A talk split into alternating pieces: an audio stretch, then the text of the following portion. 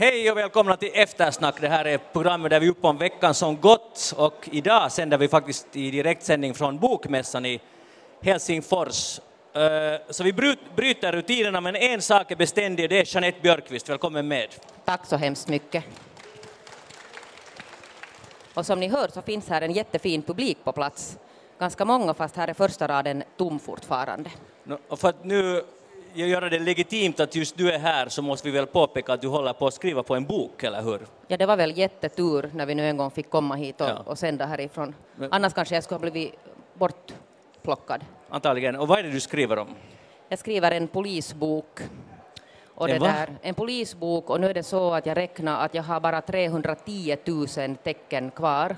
Det betyder att jag har skrivit lite på 40 000 tecken. Oj, oj, det är ett högt berg att bestiga ännu. Det är ganska mycket kvar. Mycket kvar och Staffan Brun är sidekick idag, välkommen med. Tackar, tackar. Du har ju också klarat av en och annan bok, eller hur? Det har blivit en och annan, jo, det kan jag inte förneka. Nej. Har du något tips till Jeanette med 310 000 tecken kvar? Jag tycker att hon har gjort ett allvarligt räknefel om hon tror att det räcker med 350 000 tecken. Men eh, det får hon väl själv upptäcka i sinom tid. Men de sa att minst 350 000 tecken. Jo, Det där med minst, eh, eftersom du vill skriva ett häfte så då räcker det nog. Men vill du skriva en bok så krävs det 100 000 tecken till. Jag är ledsen, men så är det. Nej, men det där fick du ju inte berätta nu. Det var ju lite Du otrevligt. fråga. Eller det var inte hon som frågade, utan det var jag som frågade. Okej, nu jag tar tillbaka allt då. Synd Jeanette, men så här, sånt, sånt är livet som författare. Välkommen med till Eftersnack, jag heter Magnus Londén och vi ska plöja igenom veckan som gått. Eh, Det har ju konstigt nog igen varje vecka där det har hänt ganska mycket med något som heter Brexit. Och jag tänkte faktiskt tala lite om det, äh, även om många håller på att storkna i den här frågan. Det är bara en rolig detalj, just, eller inte så liten detalj heller, men en rolig grej på gång att britterna väntar på EU medan EU väntar på britterna. Och vem tror att kommer bestämma sig först, Staffi? Hör du, jag skulle säga att vi vet det där och kanske om en tre, fyra år när de har kommit till skott. Det är allt för tidigt att spekulera om den saken, så att vi får ge oss, ge oss till tåls bara. De kommer nog att valsa omkring vet du ännu länge, många, många år. Jeanette, lydde du mitt råd och följde du med parlamentets direktsändning förra lördagen? Vet du vad, jag gjorde det och jag försökte alltså faktiskt hårt och det stod alltså på faktiskt, men jag kan ju inte påstå att jag satt och tittade på det hela tiden. För jag gjorde så när jag i mitt nya liv på gymmet, det var väl kanske andra gången i mitt liv då, så då hade jag på och lyssnat på den här debatten och det var nog ganska bra underhållning än en gång. Men sen blev det ju ingen riktigt avgörande omröstning på det sättet. Alltså det där kan du lite beskriva, alltså du var på gymmet och tittade på Brexit, vad var det exakt Nej, nej, jag lyssnade, där? jag lyssnade. Lyssna. Då ska man Medan göra du- två vansinniga saker samtidigt, så det är en utmärkt kombination, gym och eh, eh, parlamentet i London. Men medan du gjorde vad då där på gymmet? Eh, Jag rodde. Ja just det, för du gör ju ingenting annat där. Nej, vad, Nej, det vad ska man det. göra där? Men jag håller nog med Staffi att det, din teori är nog mest sann i det här fallet.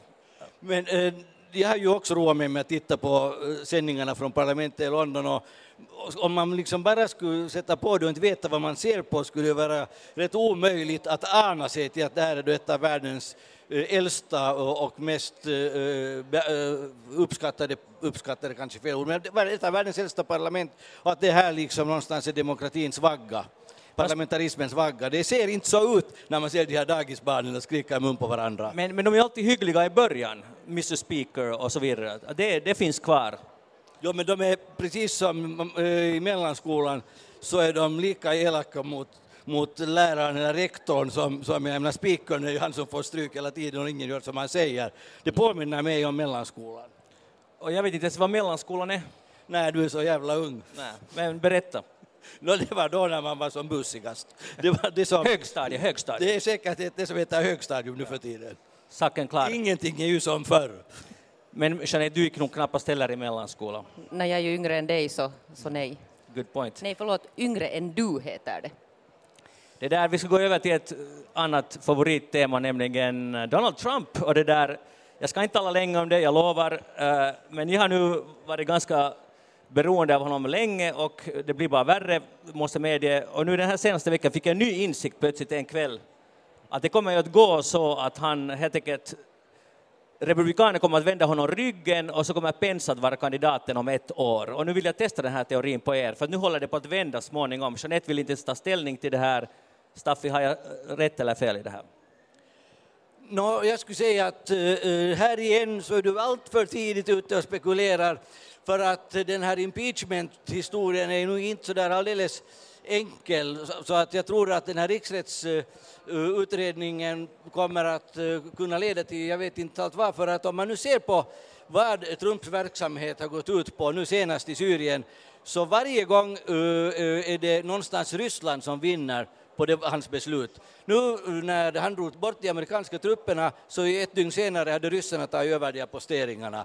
Allt vad han gör på något sätt i slutändan är det Ryssland som vinner det och Putin som tar hem poängerna. Och det måste ju tyda på någonstans att antingen så är han medvetet arbetar han för ryssarna eller så har de en sån tumskruv på honom att eh, han, eh, Trump bara måste göra som Putin säger. Och i längden, så, under några, en kort tid kan det ju gå bra att man jobbar för ryssarna som en KGB-agent i Vita huset. Men jag är osäker på att det håller i fyra år. Så någonstans så kanske det läcker ut någonting som visar att hans band till Ryssland är, jag menar, mycket intimare än man någonsin har anat. Och då tar ju saken en helt ny vändning. För att jag menar, eh, Trump är hela tiden ute för att ha gräl med EU, han vill hela tiden ha gräl med kineserna, med alla andra, utom med ryssarna. Där är det liksom aldrig eh, något, något krackel på gång. Så att, att här finns, tror jag, någonting riktigt, riktigt fishy där någonstans. Så du tror på min teori då? Att det är Pence som ställer upp i valet om ett år? Jag tror att han åker nog ut på samma gång som när de häktar Trump så häktar de nog också Pence för att kolla att, hur mycket visste han om allt det här. Så han trodde inte på din teori? Nej, jag trodde inte. Vi får se hur det går. Vi kan inte säga annat. Men uh, goda nyheter från Demokraternas kampanj. För det finns en kille som heter Joe Sestak uh, som faktiskt har slovakiska anor. Och om jag skulle få rösta i amerikanska valet så skulle jag rösta på honom. Nämligen det han gör är att han promenerar omkring i USA. Så varje dag uh, går han, han längs gatorna och längs highwayen och om han har en tillställning samma kväll så plockar de upp honom med bil så sätter han ett märke i marken att här blev jag. Så kör de honom till den här tillställningen, så kommer han tillbaka och fortsätter promenera efteråt. Uh, och han verkar väldigt seriös, tyvärr har han noll procent understöd tills vidare. Men jag skulle definitivt rösta på honom, för en man som går omkring och det är det enda han gör, att promenera. Blir du inte lite imponerad? Men är han barfota? Nej, han är inte, nej, det tror jag faktiskt inte han är, men men att ändå... Det här Men vad är den här tesen bakom det här gåendet? att man måste ha gått i andra människors skor för att förstå dem och se dem i ögonen. Jag kan bara till det här säga att jag har en, en god vän som jag brukar göra radioprogram med på lördagar. Vad är det för ett program? Ja, det heter Fritt fram om du inte visste det. Han brukar gå, eller han gick en gång eh, 700 kilometer, eller hur mycket det nu var, genom norra Spanien och eh, jag tror att om han skulle ställa upp i Demokraternas primärval skulle han också få noll procent. Så att på det sättet det här med att gå nog ingen bra valstrategi. Mm.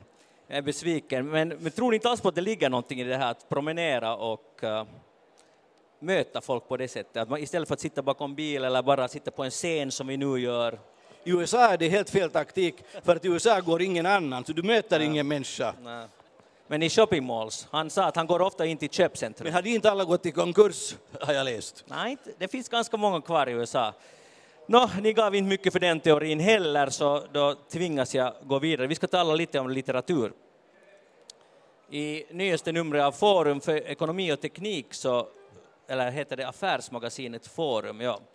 Det här är ju en stor intervju med Kjell Westö som talar om det här med pengar och finlandssvenska böcker. Och jag läser högt här ett litet avsnitt. Det här är alltså ett citat.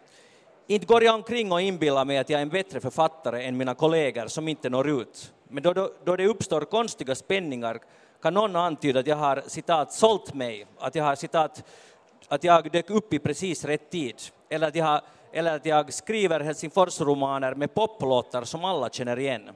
Det är inte hela sanningen om mitt författarskap, jag tror inte heller att jag är sämre än andra. Men han menar att det finns en sån här oginhet. Han har ju sålt väldigt många böcker för att vara en finlandssvensk författare och människor inte vill unna honom det här, eller är avundsjuka eller bittra och så vidare. Uh, Staffan Brun, du har, din senaste bok om Anders Wiklöf har nog sålt väldigt bra om jag har uppfattat rätt. Den går åt som smör, framförallt på Åland. Ja, det är konstigt att det är just där den det går. Det är underligt, ja. ja. Men äh, du är, känner till de här kretsarna. Finns, stämmer det här faktiskt att det finns en sån här avundsjuka och missundsamhet? Finns det inte en sån avundsjuka i alla branscher, i alla småkotterier så är folk avundsjuka på varandra. Det skulle vara konstigt om eh, eh författare som ju då ändå tävlar om uppmärksamhet och tävlar om upplagesiffror och tävlar om att få sitta på prime time här på bokmässan. Alla tittar lite snett på varandra. Varför får han så där mycket PR? Varför får han en hel sida i husis när jag, de har glömt att recensera min bok? Det är klart att det finns hela tiden olika små saker att, som gör att du märker att du är förfördelad och du är illa behandlad medan den där kollegan, den där andra som skriver egentligen mycket sämre böcker, blir, får så mycket bättre uh, PR och mer uppmärksamhet så att jag menar det här just till exempel när det gäller författare, skådisar, journalister så tror jag att den här avundsjukan kanske är, extra mycket framme, men det, det, finns säkert i alla yrkesgrupper och i alla små finlandssvenska sammanhang. Mm. Säkert är det så också i Svenska folkpartiet och i, i det finlandssvenska föreningslivet att det är helt fel personer som blir invalda i styrelsen och blir ordförande och får stipendier. Mm inom journalistiken är det lite samma sak. Många journalister skriver böcker och, och det kan vara konkurrens om uppmärksamheten. Känner du alls igen dig i de här? Jo, det gör jag och sen känner jag igen alltså det här att man sen riktar när man blir alltså missundsam så riktas det mot den som då har fått lite uppmärksamhet så det är som att det är dens fel att den det där är framme. Och det blir ju lite fel för att det är ju sällan så att, att till exempel idag fick vi, vi fick alltså med tvång dra Staffan Brun hit till det här programmet för han ville verkligen alltså inte så jag har nu åkt och ja, Jag brukar honom. göra radioprogram på lördagar tyst, och, och så kom ni och sa att jag ska göra på fredagar. Du är specialgäst idag. Det var ju fel. Men vet ni, förstår ni att, att, att, att sen blir det lite konstig stämning för att då blir man liksom, det blir ju sån här avundsjuka sen mellan varandra som egentligen är helt missriktad. Han, han, det kommer fram här, och det vet vi ju alla, att, att det är inte så hemskt lätt för finländska författare att klara sig. På det sättet är det lätt att det finns författareföreningar och det finns många andra stipendier, men att förtjäna pengar genom att sälja böcker är väldigt svårt. Och faktiskt ganska få som klarar av det. Uh, har du några goda tips hur man ska fixa det här? Nej, men jag kan säga att av egen erfarenhet, för jag var så lyckligt lottad att jag ansökte om ett sånt ettårigt arbetsstipendium. Jag hade aldrig förstått att det Uh, eller jag visste ju att det är jättehård konkurrens och hade inte ens väntat mig att jag skulle få det, men jag hade ingen aning om att på det följer det också, att sen när du får ett sånt så följer det också alltså en sån här kritikvåg av alla de människorna som inte hade fått det, att varför fick du när jag inte fick? Men i Svenskfinland så är det ju så lyckligt att nästan alla får stipendium.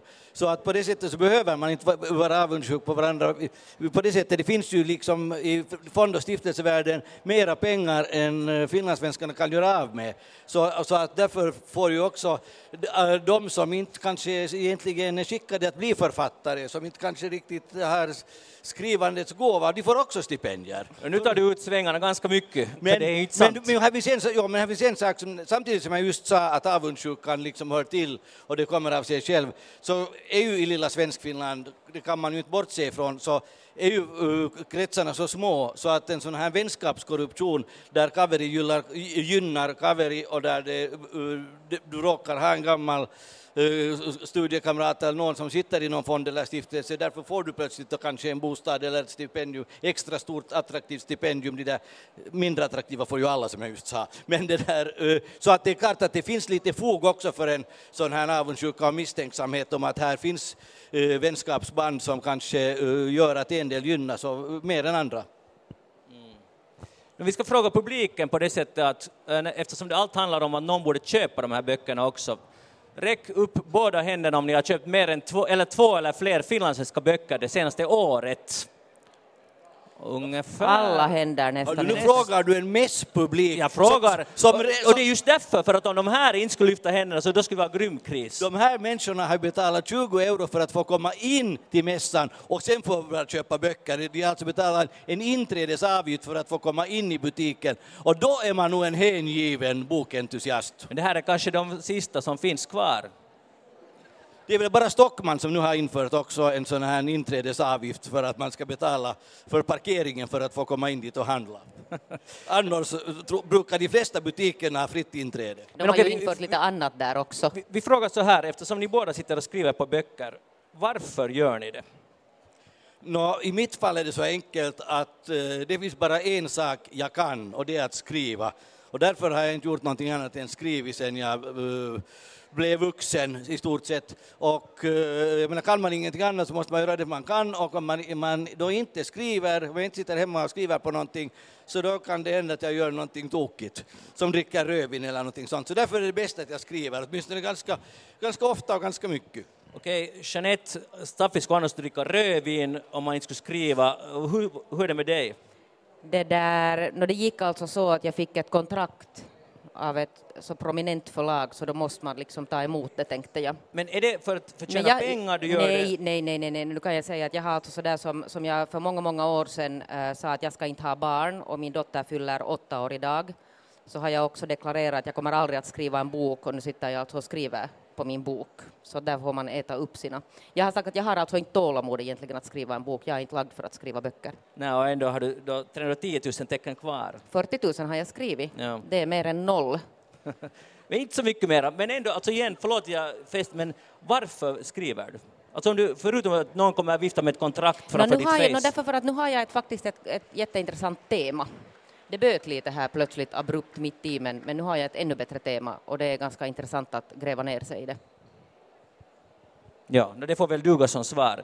Jag tycker själv att uh, skrivande handlar ju om att förmedla en berättelse. Ja, varför som... skriver du böcker? Du sitter själv också och skriver på en bok. Ja, ja, men du, det var inte meningen att du skulle fråga mig det där. Men alltså exakt av samma ord, eller inte alls av samma ord, utan jag tycker bara att det är en berättelse som måste ut. Alltså, och jag har nog ganska lite, eller egentligen inte alls funderat på det ekonomiska. Men, men samtidigt är det ett faktum att det är väldigt svårt för finländska författare att klara sig. Men Staffi, du är inne på en intressant och lite så här provokativ poäng just här, om det, när du säger att, att det är många som får stipendier som inte har skrivandets gåva. Det är inte många författare som brukar säga det så här offentligt. Vill du öppna det, Pe upp det ska jag lite peka till? ut några? Nej, nej, det ska du inte göra.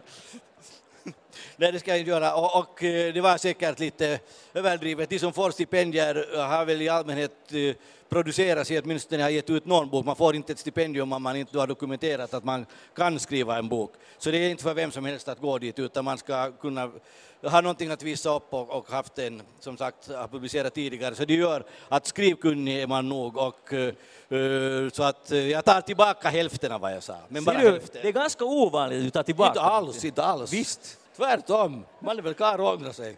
Hej, jag var det där, träffade några kompisar här om veckan och, och så började vi att tala om vad folk sysslar med på sin fritid. Och, och då slog det mig att jag hade hört i radion så var det ett inslag om att nu för tiden i Finland fattas det inga beslut mera i bastun. Det är inte mera så här att japparna går i bastu och dricker sprit och så bestämmer de, de viktiga, eller fattas de viktiga besluten där. Utan nu är det istället så att samma typs människor äh, deltar i sådana här eh, triathlonlopp eh, äh, och, och, det där, och det är när de snackade om sin träning och så vidare. Och, och det tangerar lite det som du var inne på Staffan, när du talade om rödvin, och det är just det som det har hänt att för, förut kanske författare drack rödvin. Och nu funderar jag månne att månne det är så att författare också sysslar med triathlon nu för tiden och journalister sysslar förut med långa luncher, det gör du fortfarande, det vet jag, men det, där, det där No, no, men, no, men, och politiker också har sysslat med det. Men att det är slut med allt det här. Jag undrar, var, hur kommer det här att påverka vårt samhälle? Har du träffat de här triathlongängen? De är ganska, ganska bra shape kan man säga. Alltså det där det kan jag verkligen inte påstå, men det kan hända att man borde röra sig i triathlongängen för att träffa de här triathlongängen och det, kan, det är nu inte riktigt mitt, mitt gebit. Är det nu mera golf som du fortfarande och jakt som är eh, Nej, nej, du, näringslivets du, är grej? helt, du har helt tappat nu. Det här är alltså nya tider, Staffi.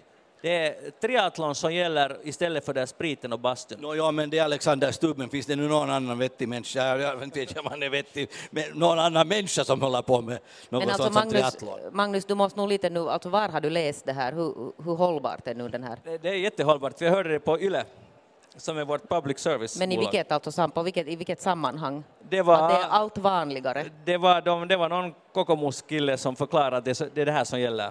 Så då Ja, tycker jag det är ganska säker så. källa. Men dessutom är det här ju inget nytt fenomen, för mina första böcker utkom i början på 90-talet och redan då beklagade sig förläggarna att tidigare så var det väldigt bra för att då bjöd man en författare till Kosmos för att diskutera kommande böcker och kommande projekt. Så åt man lunch och så blev man sittande där och grogga och sen åt man middag och sen blev man sittande tills eh, krogen stängde och så åkte man hem. Sen plötsligt dök det upp en ny generation författare och poeter som kom dit och ville ha en sallad till lunch och drack vatten och efter 45 minuter sa de att de måste gå hem för att eh, de måste skriva mera. Och där satt förläggaren utan alibi att supa, sig- supa runt och förläggarna tyckte att det här var ingen bra utveckling alls. Nej, och det är just det här jag är inne på. Och det har blivit, det har liksom, det har blivit värre. Men att de äter inte en salladen mer. Nej, för de måste sporta. Men alltså den där triathlon, jag känner att det var det som på något sätt gick lite överstyr här nu. Ja, jag är inte så säker, men jag tycker det är alltså, skämt åsido, så ganska intressant tidsfenomen. Att, att hur det har förändrats, så det är ju, det är ju ändå en hälsosam sak. Att, att om, man, om man tänker så här... Är triathlon det triathlon, är inte så, hälsosamt? triathlon är kanske inte så hälsosamt, men som grundtanke, om man byter ut det här sitta på lång krogkväll mot att gå och träna. Så nu Det princip finns faktiskt någonstans mitt emellan. Ja, Att sitta på krogen och, och, Ja, ja, ja. och, springa maraton och och vad gör de, cykla 200 kilometer och simmar. Några, ja. och sen ska man nu simma. Ja, jag håller helt med om inte det är så Det finns något mitt emellan hävdar jag nu i alla fall. Ja. Eller både och. Det tror jag är en dålig kombination. Äsch. Nå, vi ska lämna den här, det här ämnet tills vidare. Jag hade där uh, en ny film som jag är inte så säker på att kommer att ha premiär i Finland någonsin, men den heter The Marion Stokes Project. Har du hört om den, Jeanette? Okej, okay, det är en eh, kvinna som 1979 satt hon, eller gisslandrama i Teheran började när de höll amerikansk gisslan, så satte hon på videon, hon hade en VHS, och började banda för hon tyckte det var så spännande. Och den här videon blev på i 30 år. Så hon har bandat 70 000 videokassetter med alla nyheter dygnet runt sedan 1979. Och nu kommer det ut en film som är liksom lite editerad, lite förkortad, med hur samhället har gått framåt under dessa 30 år. Och då undrar jag, uh, skulle det här, den här filmen intressera dig alls? Men alltså hur lång är den månne tänkt att bli? Inte har de väl förkortat i den? De har lite förkortat den, så det är, Alltså det är bara 20 år då? den är kanske två, år, två, två timmar lång, skulle jag säga. Aj, två till. Jag tänker att det var så att man tittar alltså där 20 år på film. Men alltså, som nyhetsfreak som du är så skulle du inte tycka att det här är ganska intressant som tema? Nej men alltså om den, är alltså, om den inte är 20 år lång, men när du sa att man bara alltså marginellt har editerat, om hon har filmat, vad sa du, 30 år, 30 år av och den blir två videokassetter. timmar. Så det är ju en ganska stor skillnad. Det är klart jag ska gå och titta på en två timmars film. Ja. ja, jag tycker bara att det är en ganska fantastisk idé. Och tänk också, hon måste ju vara ganska maniac, den här människan. För hon, det kommer nu fram att hela familjelivet gick åt fanders, för det enda hon tänkte på var den här videobandningen av, av nyheterna, dygnet runt. Så hon hade flera videospelare på, eh, så att hon kunde sova någon timme och så gick hon och bytte kassetter. De var ju ofta tre eller fyra timmar långa, de här kassetterna. Så hon måste hela tiden eh, vara på jour där för att fixa att de här kassetterna byttes i tid. Sen tvingade hon sina barn också att byta, byta kassetter. Kan man lita på att det inte har blivit något hål någonstans? Ja, enligt, det Mars här, 92 till exempel, Enligt att det här- där skulle ha blivit ett litet hål. enligt den här artikeln är det, finns allt på video. Men har någon Bra, då vill jag se den oklippta versionen. Bra. Och det förutsätter att vi måste leva ganska länge. Nog. Jo, Trots man får väl, någonting får man väl offra också om man ska se god Men alltså film. jag sitter nu och tänker på det där, den här människan som då har lite editerat ner 30 års nyhetssändningar till två timmar. Det är ju inte så lite Nu editering. han har jobbat med det i fem år. Kom ja, det, det var fram. ganska snabbt. Ja. Då har han alltså tittat igenom allt material. Så att jag tycker bara att när du gnäller gjort. på dina 310 000 tecken så det är ingenting jämfört med det vad den här killen har gjort. Trots allt. Nå, vi väljer alla, hör du, våra, Våra fighter. våra fighter. Nå, Jeanette Björkqvist, vad har du annat tänkt på den här veckan? Nu hörde jag läste på finska Yle, det där var det, någon annan kanske också har läst, att i veckoslutet så var den här uh, kökschefen vid spat i Ika, hur säger man nu, Ikalin, alltså Ika, Ikalis, Ikalis. Uh, Aki Koivuniemi hade tittat, alltså det var höstlov förra veckan. Och så hade han följt med lite hur människor beter sig där i den här frukostbuffén där det finns alltså då sånt här stående bord.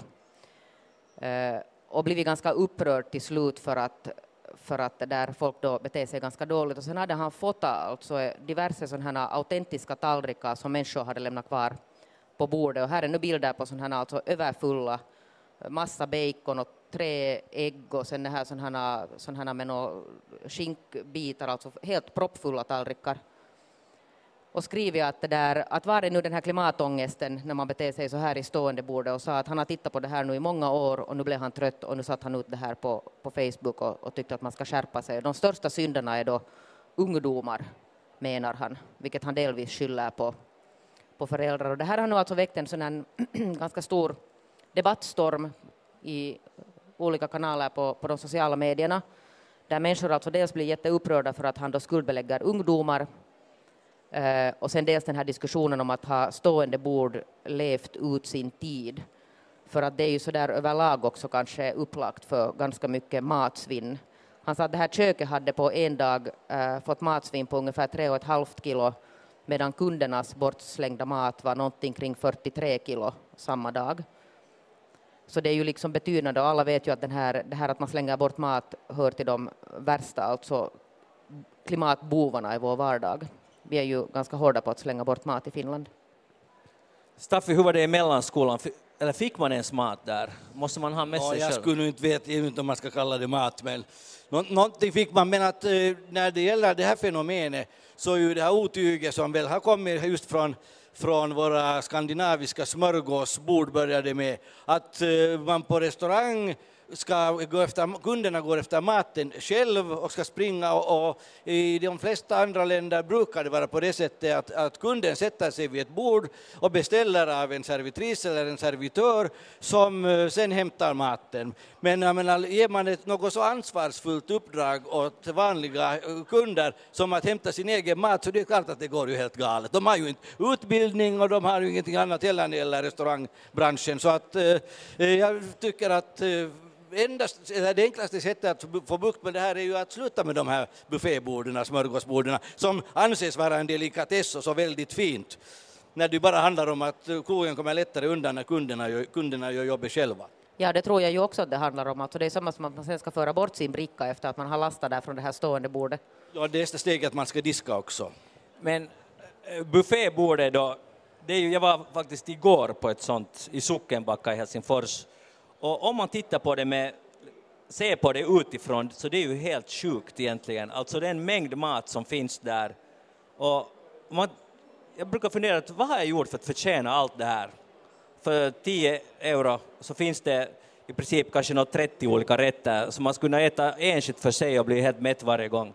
Så det är ganska otroligt det här välståndet eh, och vi ser inte för att vi är mitt i det på något sätt. Så, så, känner jag det och jag tror att det här är också en orsak till att eftersom det, eller förstås är det en orsak, att det finns så mycket så kan man lika bra lämna, för det finns ju mera där. Att jag blev trött på den här rätten, nu tar jag något annat istället. Men uh, vi äter ju varje fredag, du och jag, på en vegetarisk buffé i, på Yle. Men brukar du lämna där? Ibland, men det där jag försöker nog, och jag har jättedåligt samvete om jag måste lämna lite. Mm. Men man borde ju alltså komma ihåg det här med, med de här bufféborden som många glömmer bort, att man kan alltid gå och hämta mera. Att man måste inte ta allting liksom vet ni, förstår ni, att, att nu får jag gå och hämta en gång och sen får jag inte gå dit tillbaka. Och det kan ju vara en orsak till att människor alltså lastar alldeles för mycket. Ja, men om du åker med en Sverigebåt så på något underligt sätt hamnar i, i buffén, vilket jag ju brukar undvika, men nu vet man ju hur det är där, det är så långa köer så därför tar folk för säkerhets skull ösa tallriken full för att de ju inte vill köa en gång till. Men, men det som jag känner att där har tiden definitivt runnit förbi, just med de här Sverigebåtarnas bufféer, så det är ganska eh, högklassig mat måste jag nog säga. Jag reser väldigt ofta med de här. Men det som jag känner att är faktiskt old school nu än, är det att när man kan sitta där och tanka öl och vin hur mycket som helst för det här priset. För det, det är ju liksom, eh, det är ganska groteskt egentligen. Uh, och många, man går dit det är ganska dyrt, men man går dit för att helt ekonomiskt så kanske man vinner lite på det. Och det gör att det här, man värderar ju det där vinet som smakar blaj, eller samma med den bischen som man får där är helt värdelös. Men den här tanken, man får de här procenterna till ett billigt pris. Och det här tror jag att inom några år kommer de att slopa det, för det, det känns väldigt gammaldags redan. Kan ni stödja mig i det här? Ja, alltså rent alkoholpolitiskt ska det ju inte vara så att man vinner på att dricka mycket utan det ska kosta mera ju mer man dricker. Mm. Så att det här är ju helt bakvänt. No, Men brukar, du lösning, ja. brukar du Magnus gå i den här Viking, de här Sverigebåtarnas buffa? Nej, jag var, reste med familjen förra gången och då gick vi dit. åt du upp din mat? Mm, Jo, nästan allt faktiskt. Ja.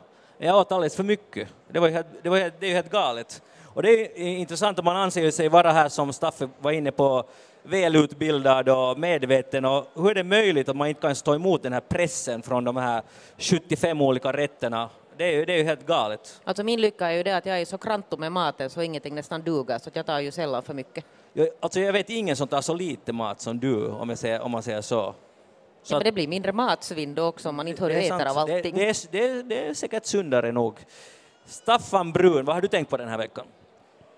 Naturligtvis i första hand på det åländska valet, men ni vet ingenting om resultatet i det åländska valet, så det ska vi sluta tänka på. Men, men eh, här igår kom det ju en väldigt intressant nyhet där Antti Rinne, statsministern, berättar hur, hur eh, förre statsministern Sipilä gav honom ett anbud sommaren 2017 att eh, Eh, om eh, sossarna kommer med i regeringen eller stöder dem så då kastar de ut Samlingspartiet och, och genomför den här hälsovårdsreformen, SOTE-reformen då, så att eh, Centern får igenom sitt och Samlingspartiet då inte får igenom sitt med den här valfriheten. Och, eh, det finns ett sånt här talesätt som säger att kepu pettää aina, Centern sviker alltid och om nu Sipilä bakom ryggen på Orpo går och kontaktar Rinne och säger att nu gör vi det här i gemensam affär med sossarna och gör vi det här och, och, och så kastar jag ut Samlingspartiet så är det ju ett, ett svek som är ju ganska gigantiskt. Nu är det ju fel här är ju bara det att Sipilä minns inte alls att det gick till på det här sättet utan minns det på ett helt annat sätt. Och fördelen här är när vi tidigare i den här politiska historien har försökt gräva fram den 151 rösten åt Kekkonen eller kassaskåpsavtalet från 87 mellan Taxell, Suominen och Väyrynen så då har det uh, uh, gått ganska många år innan vi började gräva efter det här. Men nu är det här i så färskt minne så nu tycker jag att, att det borde gå att ta reda på vem som minns helt fel, vem som ljuger och, och, och, och eh, jag tror att den här Orpo också är ganska intresserad av att veta vem var det riktigt som höll på att svika honom riktigt ordentligt. Men det är lite roligt om det går till så här i, i politiken på högsta nivå, att man lurar varandra. men vem tror du mera på? För att de var ju faktiskt, Sipilä var ganska hård i MTV3s nyheter. Vem jag tror på av det där, Ja. jag tror inte på någon av dem. Båda ljuger. när båda friserar sanningen så att eh, de blir väldigt långt ifrån varandra. Men helt klart är det ju att det har funnits, och det medger du Sipilä, det fanns en kontakt och uh, någonting av det här har, har hänt. Men, men alltså det är ju helt klart att, väl, att det måste förekomma en trevare, men inte riktigt så där långt ut som Rinne nu tolkar det. Och, och inte skulle jag tycka att det är så jättekonstigt heller om man ser hurdan kaos det var i förra regeringen. Att, att egentligen är det ganska logiskt. Jo, men om du kommer, går in i en, en koalition och så har du ett gemensamt regeringsprogram och sen säger att vi ska sitta fyra år och förverkliga det här, så utan att egentligen hade det blivit någon kränär där. Orpo och Sipilä var ju bästa kompisar, men, Men de skulle, var ju- skulle det ha varit en kris där det skulle och regeringskris, så då skulle ju Sipilä måste se efter andra det ska ju möjligheter. ha Men det varit- fanns ingenting sånt där, utan de var, de var bästa bröder och kom bra, hur bra överens som helst och ändå går, går Sipilä och säger att hej om vi skulle byta nu, byta, byta besättning. Nej, nej, men det var ju alltså var det inte knutet till den här social och hälsovårdsreformen och där var de ju verkligen alltså inte överens. För Nej, de hade ju kommit överens om att den ena får den ena dumheten, den andra får den andra dumheten och så blir det två dumheter och, och det får skattebetalarna stå för. Ja, eller det var som ju en väldigt bra deal för dem Som partierna. Orpo sa att Sipilä ville så mycket kanske ha sin dumhet att han var sen redo att det där börja trockla med de här demarna. Men alltså politik är ju ganska hårt spel, så jag tycker inte vi ska vara så överraskade över det här. Faktiskt. Nej, inte egentligen, men det är överraskande väl att Rinne redan i det här skedet går ut och berättar det här, att han inte väntar till sina memoarer när det har gått så lång tid så att ingen kan kolla vad som är sant och vad som inte är sant, för nu går det ju faktiskt att kolla ganska noga. Så att, men, men Rinne har ju tidigare också visat att han har ganska dåligt omdöme, så att det är kanske inte alls så överraskande. Aha, vad, vad syftar du på nu? Eh, jag syftar på hans fem månader som statsminister. Jag behöver inte peka på något speciellt utan vi skulle väl snarare kunna försöka hitta något klokt som man har sagt eller gjort. Det blir- blir betydligt svårare. Det är ju lite underligt med de här regeringarna förresten. Det tycks vara så att, att när eh, någon blir minister som då har haft väldigt hårda åsikter och ett hårt program så sen när de då äntligen kommer in i ministerrummet och får bestämma så då glömmer de att bestämma. Så därför kan vi ha en inrikesminister Ohisalo som fortsätter med samma uh, flyktingpolitik som den förra regeringen. Hon har varit inte hockat nu kan hon göra någonting åt saken. Så vi tvångsavvisar irakier och Afghanistan lika glatt som förr. Och så har vi då uh, biståndsminister Patero som försvarar Veikkaus eh, politik att lägga ut spelautomater överallt där det rör sig mer än två människor och eh, hon sitter i tv och säger att det här är helt i sin ordning. Jag menar, de, man tycker ju att någonting ska förändras när man får en ny regering, men, men jag tycker inte att någonting alls har hänt. Men är det inte, eh, bevisar inte det här just tjänstemännens makt egentligen? För sen kommer realiteterna emot och det finns en, en armé av tjänstemän som kanske visar på siffror eller säger Säkert. att det här går, kan vi inte genomföra, det är orealistiskt, nu ska vi lugna ner oss och så vidare. För det, är ju, det som du beskriver är ju det som händer för egentligen alla partier, politiker från alla partier. Och det är just så här det går. Och, och det finns ju bara en förklaring, måste vara det att det finns någon kraft som inte blottas så hemskt noggrant av journalistiken eller av, av samhället och det måste vara tjänstemän, för vad, vad är det, eller ekonomin, men vad är det, hur skulle det annars kunna gå på det här sättet hela tiden? Naturligtvis är det just så som du säger, men det är väl därför vi ska ha starka politiker och därför ska vi väl välja de starkaste som kan uh, hålla uh, korg på de där tjänstemännen och, hålla, och se till att ha ett program så att de faktiskt genomdriver det. Men det är ju ganska värdelöst att, att, att överhuvudtaget ha riksdagsval och utse en ny regering om allt fortsätter precis som förr oberoende vem som sitter där för att tjänstemännen bestämmer. Jeanette, tror att det finns plats för vad ska vi kalla det, idealism eller ideologi i politiken? För det går just ofta så här som vi talar om. No, nog, nog för ideologi i politiken, men jag vet jag har just med särskilt intresse alltså följt med just inrikesministeriet och Ohisalo, för att det var ju alltså någonting helt annat än vad där har suttit under många, många år. Och det är ju alltså då polis, polisministeriet alltså i princip, och där jag vet alltså att där finns jättestarka tjänstemän, till exempel när det gäller alltså de här migrationsfrågorna, som jag själv har granskat alltså ganska mycket. Och jag har nog faktiskt nu tittat på att, att hur ska det här gå till när hon kommer med en helt annan agenda än, än hennes företrädare när hon ska börja alltså jumpa med de här tjänstemännen. Sen tycker jag ju nog att, att man måste ge henne alltså creds för det att hon har ju nog faktiskt försökt hämta med sig den här grönas eh, på något sätt syn. Men det är inte så lätt för att, för att det är en armé av tjänstemän och nu vet jag att det kommer att byta alltså en av de här centrala tjänstemännen och det blir ganska intressant att se att vad händer med den posten och har hon till exempel något inflytande i vem som tar över det? Ja, men det här leder ju just lätt till det som Staffi beskrev, att det blir en status quo, att förändringarna är väldigt små, trots att vi har haft val emellanåt. I, I USA när presidenten tillträder så brukar man ha en sån här 100 dagars eh, in, eh, inledningsperiod när man inte bråkar med presidenten och, och inte är väldigt kritisk utan då ska han få en mjuk start och, men efter det så tycker man att då ska det finnas resultat. Och nu har det ju nu gått, jag vet inte hur, fem månader, hur många dagar det men det är säkert närmare 200 än 100. Nu tycker jag att man redan kan kräva att de inte bara försöker utan att det också blir resultat. Saken klar. Hej, jag har läst Hesari idag och här är en intressant HS-analys som analyserar hur män och kvinnor eh, sysslar med hushållsarbete. Det har gjorts en stor undersökning och otroligt nog så är Finland bäst i klassen i hela Europa eh, när det gäller hur mycket, män, hur mycket männen sysslar med hushållsarbete varje dag. 57 procent av männen gör hushållsarbete varje dag medan 86 procent av kvinnorna gör hushållsarbete. Det där, eh, sen, och det här är alltså, när vi talar om männens andel, är det lite bättre än Sverige, men Sverige har istället mer jämställt, att det är jämnare fördelat mellan män och kvinnor. Och det där, Jeanette, med din långa livserfarenhet, så vad skulle du säga? Jag, skulle vilja, jag vill fråga först att är det så här självbedömning det här, att man har liksom skickat ut några enkäter och sen har männen själv fått bedöma? Ja, det är nog så, för jag tror inte det är så att, att att man har frågat kvinnorna och vice versa, för det skulle bli säkert ganska låga siffror för båda. Det är lite som läsarundersökningar där alla kruxar i att de läser ledaren. Ja, men jag, jag gör det. Men, ja, du gör, ja, du gör det säkert, men de flesta gör inte. Nej. Men har du en definition där på vad som är hushållsarbete? Men, är det till exempel hushållsarbete att uh, uh, föra en ölflaska från kylskåpet till soffan och sen föra tillbaka den tomma flaskan och, och, och sen ta en ny flaska och gå igen alla de där stegen? Staffi, det, ju... det var bra att du inte var med i undersökningen, för det där är inte hushållsarbete. Hur är det definierat? Jag har läst artikeln så jag vet inte. Men... Det är definierat som uh, att uh, till exempel diska, städa, men inte att göra till exempel uh, fixa bilen och sådana här saker.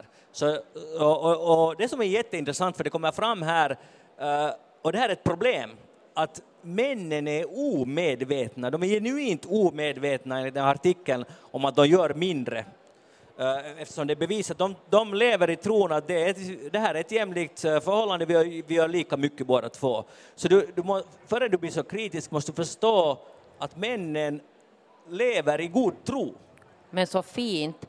Det där eh, är här nu alltså med i den här undersökningen, för Hesari hade här tidigare i veckan den här stora undersökningen om det här metaarbete i hushåll, alltså där det fanns ett par som har alltså helt enkelt satt ner allting i sådana här Excel-tabeller, allt och sen har de poängsatt alltså vissa uppgifter och sen har de börjat kolla och sen delar de upp att det alltså tidsmässigt ska vara samma sak. Där ingår alltså allting från hushållsarbetet till att, att sköta barn till att göra liksom en massa sådana här smått plotterjobb som tar jättemycket tid som i regel eh, alltid faller på kvinnorna till största del det, där, det är ju så att du sa nu här att det var så här med att eh, männen är god tro, de tror att de gör mycket mer än de gör och, det, och, att de då kan fortsätta med att leva i god tro år efter år. Men jag har nog hört talas om att det finns förhållanden där där också frun räknar och upplyser mannen om att nu är det här inte rättvist, att det liksom finns också någon, en bokförare där någonstans i bakgrunden, en revisor, för hushållsarbetsrevisor. Har du någon sån här, sån här nära erfarenhet av det här? Nej, jag har, jag, jag har ju inte sett det här, men jag har hört att det, att det finns sådana såna förhållanden där, man, där det då, då finns faktiskt en liten sån där hembokförerska. Har du, Jeanette, Oftast är det bokförerska, du, men jag har också hört att det finns bokförare, manliga, som är väldigt noga och, och kollar det här. Har du övervägt den här modellen? Den här Excel-modellen? Ja. Nej, men det där, det finns alltså, Hesari har varit ganska länge alltså inne på det här temat. De gjorde ännu för var det kanske ett år, drygt år sedan så gjorde de en sån här test där man alltså kan gå igenom så att, att båda i hushållet ska fylla i den här på separat håll. Och sen samkör det här systemet, alltså de här det vill säga där mannen fyller i vad han tycker att han gör och sen fyller kvinnan i vad hon tycker att hon gör.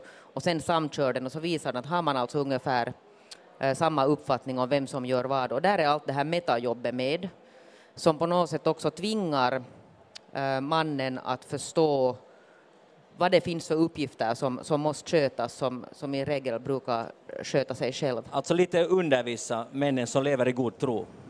Jag inte vet jag, ja, ja no, kanske lite någonting ditåt alltså, men jag minns att det där, att där fanns långa sjok, vi har ju gjort det här i vårt hus förstås, det fanns långa sjok om uh, allting som har med barnet att göra, för att de säger ju som så att, att förhållanden kan framstå som jämställda ända fram tills det kommer ett barn och så är vi fuff tillbaka i 50-talet. Mm, är det så illa? No, det är intressant för att här är sen uh, olika länder, uh, allt från Finland ner till Kroatien och i Kroatien jag kan säga att enligt, den här, enligt de kroatiska männen så är det bara 12 procent som gör någonting hemma. Så men det betyder ju inte att vi ska nöja oss. Nej, och det var ju inte det jag sa. Men det var ju lite det vad du försökte där med din blick, hör du. Att vi ska, du, du ska nog vara nöjd här i Finland. Nu ska du inte tolka min blick Att vi är nog bättre än kroaterna. Ja, det är vi. Det, det står här, fakta. Det gäller att se fakta i vitöga. Självbedömt. Ja, ja. Du säger alltså att 12 procent av kroaterna gör någonting hemma? Nej, männen. De kroatiska männen. Och, och, om jag nu lite heller känner kroaterna så är jag inte säker på att det alls är en fördel att de gör ens den där 12 procenten, för att kroaterna, det vad de gör är inte alltid positivt. Nej, just det. Okej, okay. Ehm, då, då, går vi över till ungrarna för att det här är intressant. Jag undrar vad är det, hur är det här möjligt? För det är bara 14 procent av ungra, ungerska männen som gör någonting och 14 procent för mycket igen. och 56 procent av kvinnorna. Så nu undrar jag, vad vet de som vi inte vet? Eh, eller hur funkar det? För att om ungefär drygt hälften av kvinnorna gör någonting och bara 14 procent av männen gör någonting, det betyder att det blir extremt mycket ogjort. De har outsourcat Ja, ja, det är just det här, att är det det som är lösningen? Outsourcing. Har, du någon, har ni någon städare? Nej, vi har inte, men det där jag har sagt att om inte man vill göra det här jobbet som behöver göras så kanske man kan ta från sina pengar och outsourca sin andel. Ah, och har det gått hem det här med bud, budet? Nej, inte ännu, men vi jobbar. Saken klar. Du måste återkomma till hur det gick sen. Jeanette, tror du på utomjordiskt liv? Jag har just fört den här diskussionen med min dotter som sa att, att det är nu bara så mamma att, att inte finns det liv någon annanstans än på jorden. Sa hon så? Så sa hon. Aha. V- Vad hade hon för källa? månne? Jag vet inte, alltså, men, det där, men sen satt vi och analyserade lite det här att vad, vad, finns det för, liksom, vad krävs det för förutsättningar för att det ska finnas, men, men jag är kanske lite skeptisk. Men, men om du skulle måste säga ja eller nej? No, det där, så där logiskt sett skulle man kunna tänka sig att det, det, det känns underligt att, att vi skulle vara den enda livsformen i universum. Du menar vi här på djur, alltså Ja, vi och djuren och ja. allting som här finns? Ja. Okej, Staffi? Jag säger nog nej. Jag brukar inte tro på sånt som är övernaturligt och underligt. Jag, Men är det övernaturligt? det är nog något underligt där. Jag säger nej. Okej, för att nu då, det finns nu stöd för Jeanettes dotter och för Staffan Brun, nämligen Edward Snowden eh, som är den här vi, stora visselblåsaren som det gjorts en film om. Eh, det har inte gjorts en film om just det här saken, men han hade ju tillgång till CIAs alla hemligaste filer och, och nu har han gjort, gett en intervju uh, i USA och där han säger att han har, då när han hade tillgång och kunde gräva i allting som USAs militär sysslar med så tog han också tiden att forska i alla filer om utomjordiskt liv. Och han kan nu berätta att det finns ingenting. Att CIA har ingen uh, Marsmänniska fångad någonstans på Area 51 som det heter där Det hade nu väl ingen ändå trott på? Jo, hemskt många, Jeanette, hemskt många tror att det är just så här det är. eh, Men han säger nu att han har forskat i filerna och det finns inte, eller CIA har i alla fall inget bevis på det här. Så det här skulle du kunna säga till din dotter, att, att det från högsta ort är det nu bekräftat. Eh, Så du tycker inte om konspirationsteorier då? Inte det är någon Nej, konspirationsteorier? Ja, det. Därför att det sägs att det, CIA har en massa information som de inte delar med sig av. Det är det, därför det, att det är en konspiration. Det är ju inte så att allt som CIA vet så har ju läckt ut redan. Ja.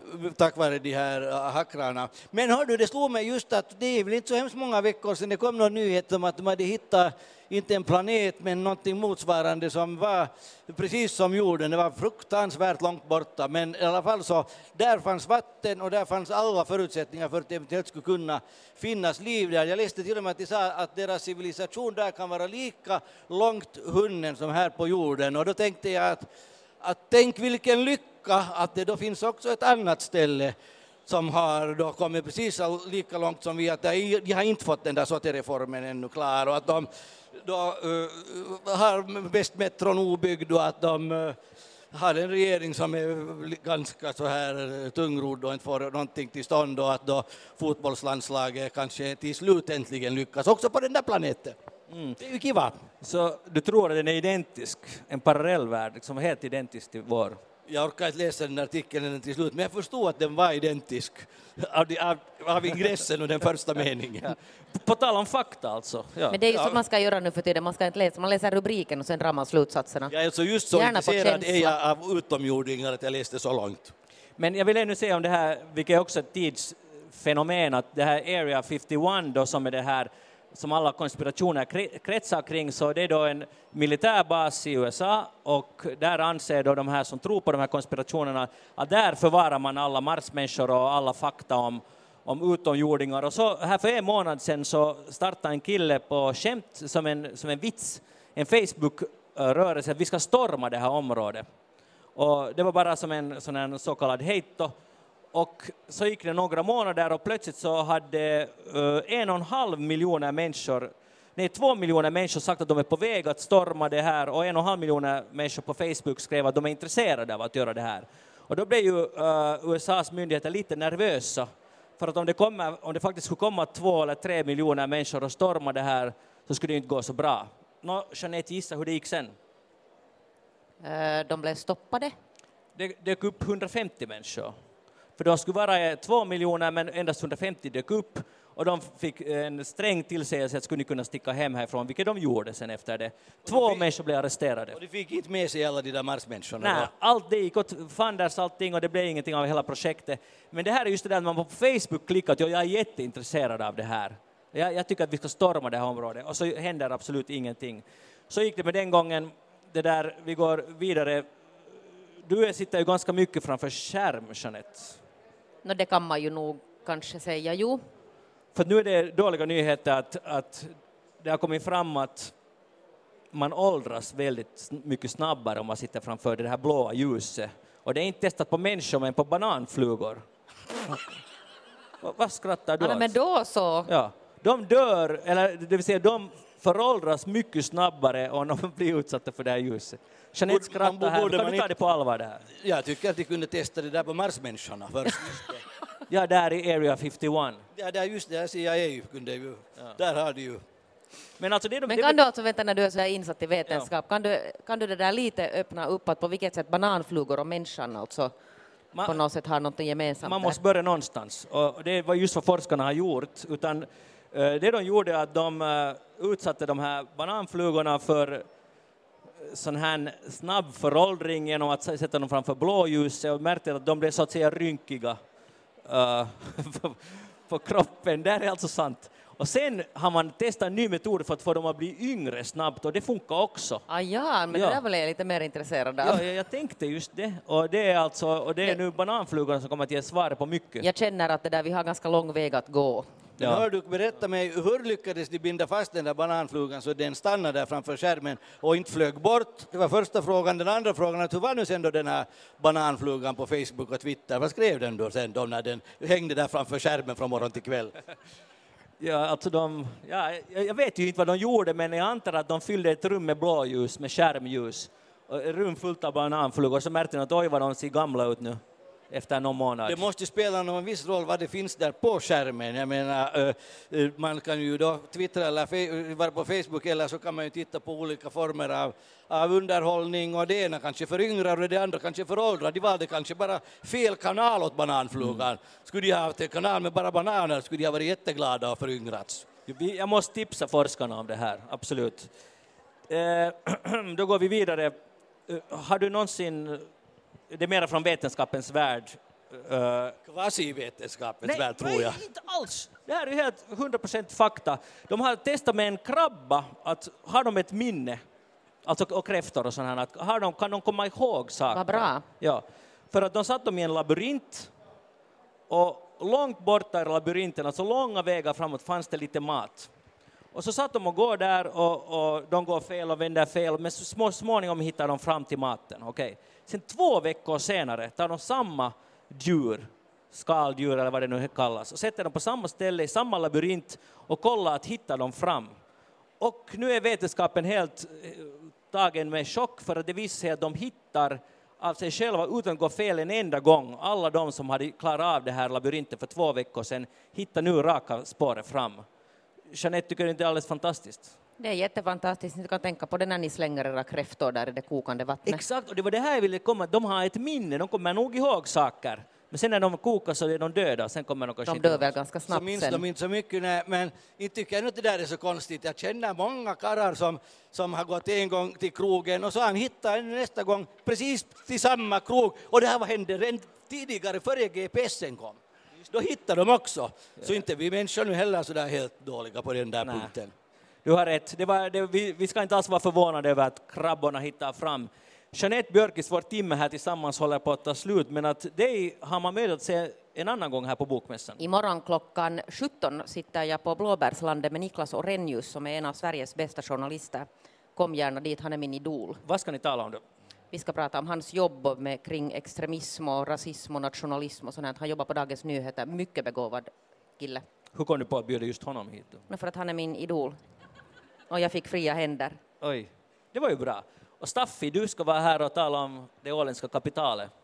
Ja, jag ska kanske tala med främ, främst ska Anders Wiklöf tala. Han kommer inflygande imorgon och har tre uppträdanden här på mässan. Han har ett mycket digert program och, och han, ska väl, han och jag ska väl berätta och beskriva Anders Wiklöfs makalösa resa från murarpojken till det vad han är idag. Berätta för någon som inte är ålänning och, och som kanske inte så super, eller tror att den inte är så superintresserad av Wiklöf, så varför borde man nu läsa den här boken? Förutom att det är du som har skrivit den och så vidare. Men vad är där? Where's the beef? No, alltså, Anders Wiklöf är ju en annorlunda kapitalist. Han, eh, hans bakgrund och hela hans, den här karriären är ju an, mycket annorlunda och, ganska, eller mycket fantastisk. Jag sa när vi började med det här att det är ett Hollywood-manuskript, att det här borde bli en Hollywood-film. Men sen eh, har han ju ett socialt samvete som avviker från de flesta andra eh, eh, riktigt rika kapitalister, att han tänker på välfärdsstaten, välfärdssamhället och de, de svaga. Utmärkt, Jeanette Björkqvist, tack för att du var med här i Eftersnack live på Bokmässan i Helsingfors. Och tack publiken. Stort tack till publiken och tack Staffi Brun för att du var med här. Jag heter Magnus Londén och vi ska avsluta med David Bowie har gjort i tiderna en låt som baserar sig löst på George Orwells 1984 och den ska vi avsluta med idag. Vi hörs inom en vecka. Ha det bra.